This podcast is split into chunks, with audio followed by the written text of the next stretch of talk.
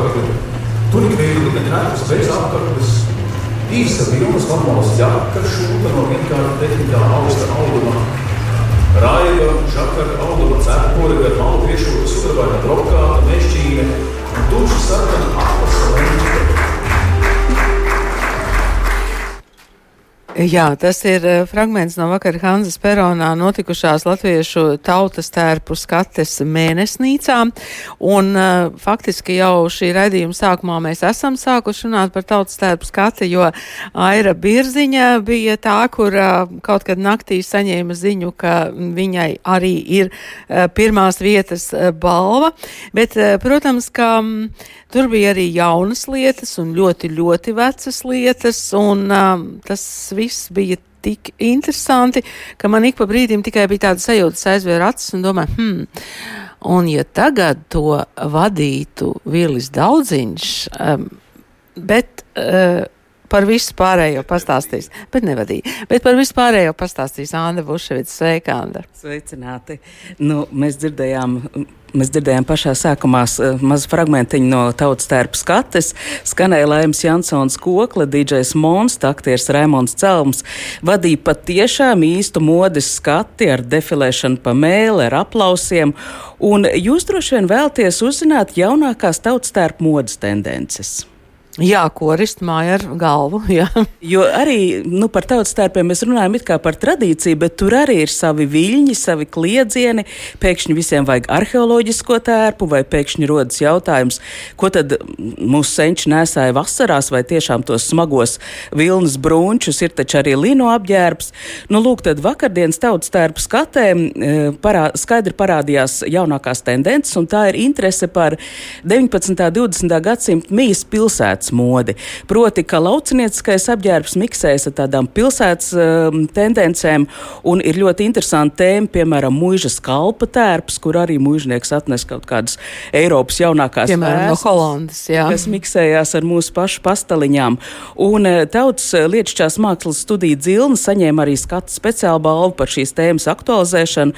Viņi bija sagatavojuši veselu deviņu sieviešu vīriešu tērpu komplektu ar domu, kad lūk tā limbažnieki dodas ceļā uz pirmo pirmajiem latviešu dziedāšanas svētkiem 19. gadsimta beigās.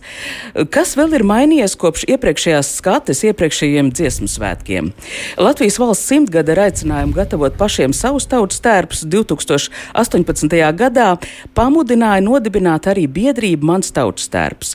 Visi, kuri prāto vai jau darina savu tautas tērpu, es tiešām aicinu ieskatīties internetā biedrības mājaslapā. Tur ir aizkustinoši stāsti, kāda apsvēruma dēļ cilvēki darina tautas tērps, tie ir iznākuši arī grāmatā. Uh, biedrība jums palīdzēs arī sameklēt meistarus. Un ģimenes ārsts no Jēlgavas, Ilza Strēle, viņa aktīvi darbojas biedrībā. Tautas tērps skatē viņa piedalījās pirmoreiz, un tas ir patiešām pārsteidzoši, jo tērps, ko viņa demonstrēja, bija jau trešais viņas pašas komplektētais tērps, lai viņa pat pastāsta.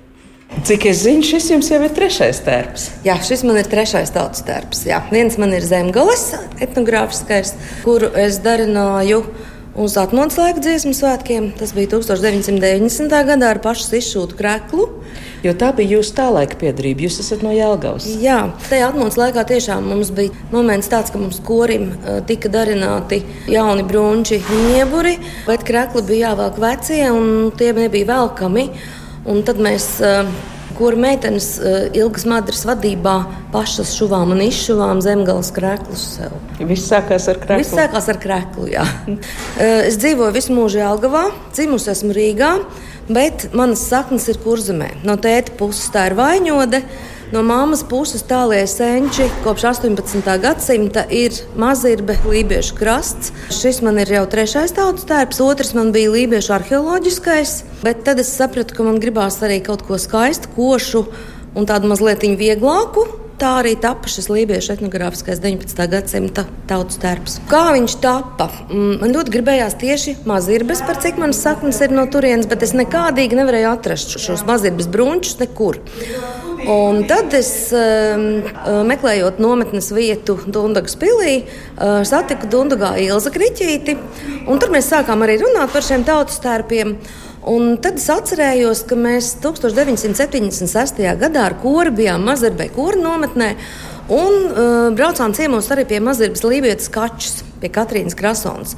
Un kā bērns es toreiz arī ļoti labi atceros, ka viņi mums stāstīja par savu tautu stērpu, stāstīja par lībiešu dziesmām un arī dziedāja šīs lībiešu dziesmas. Tajā brīdī, kad es sāku pati domāt par to tautu stērpu, tad es šo faktu atcerējos. Un nejauši satiekot Ilzi, Ilzi saka, bet pie manis ir kačas brunči glabājas mantojumā. Nu, un tad nu, Ilza bija tik laba, ka viņa padalījās ar šiem brunčiem. Un uh, Aima Alkalna un Austrijas rakstos uzauga precīzi šādus pašus, kā bija kačai simts gadus atpakaļ. Vismaz tie brunči, man tā liekas. Tērpi ir darinājuši vairāk meistari, Austrijas raksti Jelgavā, Ilze no Mailīša fabrikas ērgļos. Daļēji es arī pati šo cepures rotājumu veidoju. Tas ir oh, cik krāšņi no lentītēm. Tāds... Jā, jā, jā, tas, ir, tas ir katra cilvēka paša izpausme, kā viņš to pats jūt un pats saprot. Nu, jā, un zeķis man atdīja Daiga Melnace, jo es tādu, bet man ļoti nepatīk adīt cimds un zeķis. Jā, portālā LSMLV pašlaik Zikfrīds arī skatās, kā izskatījās vakar tautas tērpa skate. Skaisti. Mēnesnīcā, jā, un tur es domāju, ka katrs var tā mierīgi savā ritmā arī paskatīties. Un kas ir svarīgi, man šodien preses centrā jautāja ārzemnieki no Meksikas, no pietiekam eksotiskām valstīm, ieraudzījuši šos dziesmu svētku pasākums, viņi vēlās tos tagad redzēt ierakstā, noskatījušies klātienē. LSMLV ir portāls, kas ir pieejams visā pasaulē pasaulē. E, jā, es domāju, ka par to mēs vēl atgādināsim arī pēc e, svētkiem, kur ir e, saglabāti visi šie ieraksti un kur varēs paskatīties savā mierīgajā ritmā. Bet tev vēl ir kāds stāsts par man mīļiem otaņķiem, jo es pie viņiem biju ciemos. Jā, jā, jā, jā jo lūk, biedrība mans tautstērps ir tāds labs variants pilsētniekam, kā tikt pie tērpa. Bet otaņķos pagājušajā gadā tika iedibināta jauna tradicionālās kultūras kultūras izcelības balvu un par pirmo reizi pasniegtās balvas saņēmēji kļuva tieši Otaņa etnogrāfiskais ansamblis, tā vadītāja Solveiga Kūlaine, un balvu viņi saņēma tieši par to, ka viņi unikālā kārtā ir visu šo laiku spējuši noturēt tradīciju nepārtrauktu. Vai šī nepārtrauktība attiecās tikai uz dziedāšanu, dziesmu pārmantošanu vai arī uz tērpiem, man mazliet jāpaskaidro Latviešu tautas tērpa skatē notiek vērtēšana, un tā notiek vairākās kategorijās. Labākais kurs, labākais deju ansamblis, arī labākā folkloras kopa vai etnogrāfiskais ansamblis. Ir arī ļoti interesants kategorijas, piemēram, mantotais tērps vai prasam atbilstoši tradīcijai saģērbt visu ģimeni. Tātad otaņu etnogrāfiskais ansamblis startē kā uh, folkloras kustības vienība vadītāja Solveiga Kulaine. Es jau te dzirdēju pāris svešvārdus. Lūdzu, kas ir burste? Burste tā ir tā veste ar samta apmalojumu, drīzāk tādam vesākam laikam. Un kas ir darinājis jūsu bursti? Nu, manu bursti gan ir darinājuši te rīdzinieki, muduri, bet uh, apbrīnojami viņa labi man kalpo un ir ērta. Un daudzi pat domā, ka tā ir uh, viena no senajām, jo mēs esam atveduši arī ne tikai jaundarinātus komplektus, bet esam atveduši arī saglabātu. Piemēram, uh, nu, viena no mūsu dziedātājām Emīlija šodien ies gan simtgadīgos brunčos, gan arī simtgadīgā burstē, un viņai uz pleciem arī ir tāda ļoti veca un sena prūsene. Tas ir galvas lakats, vieni no pirmajiem rūpnieciski ražotajiem nu, lakatiem, kas ir varētu būt ienākuši klāt pie Nīcas tautas tērpa 1860. un 70. gadu, kad jau citvietā Eiropā rūpniecība bija spēcīgi attīstīta. Un, uh, saucam mēs viņus par prūsinēm, jo viņas nu, no Prūsijas puses ieveda pie mums. Viņai ir šī simtgadīgā, bet mēs nu pat esam atraduši vienu meistaru Igaunijā, kura atdarina šos lakatus. Un mums izveidojās tik interesants sadarbības sadarbību. Mēs aizsūtījām viņai tos oriģinālos saglabātos, kur, protams, viņi ir laika zops, viņas nav taupījis, bet viņa pēc krāsu zīmējuma un pēc tās uzdrukas viss ir izveidojusi arī jaunus nu, atdarinājumus. Un arī tos mēs esam šodien uz skatu atveduši un esam tik lepni. Es jums stāstu, un man skudrītis skrien. un Emīlijai šis tērps, nu kā tas ir mantots? Pēdējie gadījumi, kad mēs esam tikuši pie sanlaicīgām īstām, oriģinālām lietām, tādā veidā, ka pie mums vai nu Otaņu pagastā vai Nīcas pagastā kāds nopērk kādu īpašumu un tīrot kādus bēniņus vai kādus e, šķūņa augšas, atrod, piemēram, e, drānu lādi. Tur šīs pērles ir atrodamas un labi, ka viņi zina, pie kā vērsties. Tā mēs nonācām arī pie šī komplekta komplektu, ko šodien Emīlija ir atvedusi. Anita Karlsona savā nu, tiešām ļoti interesantajā pētījumā par uh, dziesmu svētkiem un tradicionālo apģērbu 19. un 20. gadsimtā. Viņa raksta arī par to, kad ir nostabilizējušies tie priekšstati par novadu tautstērpiem, bet būtībā tās ir uniformas, tās ir konstrukcijas no tā, kas muzejos uh, saglabājies, saliekam kopā un nu, tā, lai labi izskatās, padomājam. Kā ir rotaņķos, kur šī tradīcija ir bijusi dzīvāka varbūt nekā citos novados? Jums ir dzīvās tradīcijas? Nu, skaidrs ir viens, ka īsti neviens šajā nīcas tautas starpā vairs no apkārt nestaigā, bet tā tradīcija noteikti ir dzīvāka, tāpēc, ka mums joprojām pagastā un novadā ir atrodami šie te oriģinālie tekstila izstrādājumi, un tas ļauj tērpu katram dziedātājam padarīt pilnīgi unikālu, neatkārtojot neko no tās klišejas, kādas ir par nīcas tautas tērpu.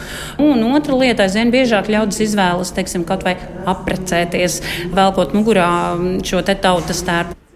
Otaņa etnogrāfiskais ansamblis arī saņēma vienīgo balvu folkloras kustības dalībnieku kategorijā. Un redzēt šādas kopas, eh, vienkopas ir ļoti interesanti, jo tu redz dažādu vecumu sievietes. Kā tas pats tērps izskatās jaunai meitai, kādai jau ražanai sievai, vīru tērpi ir. Eh, šai gadījumā nebija bērnu tērpi, bet eh, tā, tie bija savukārt šajā ģimenes sadaļā. Un Jantu un Ilmārs Meži.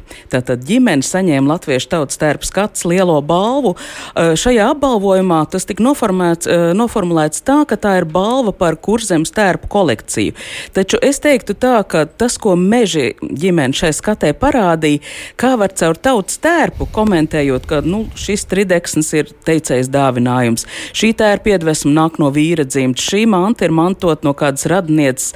Vecāki var bērniem izstāstīt savu dzīvi, savas vērtības un visu kopā kādu kopējo ģimenes dzīves stāstu, kā piemēram um, mammas darinātais kāzu tērps, pašas rokām darinātais kāzu tautas tērps, ir pārgājis jau mantojumā vecākajai meitai.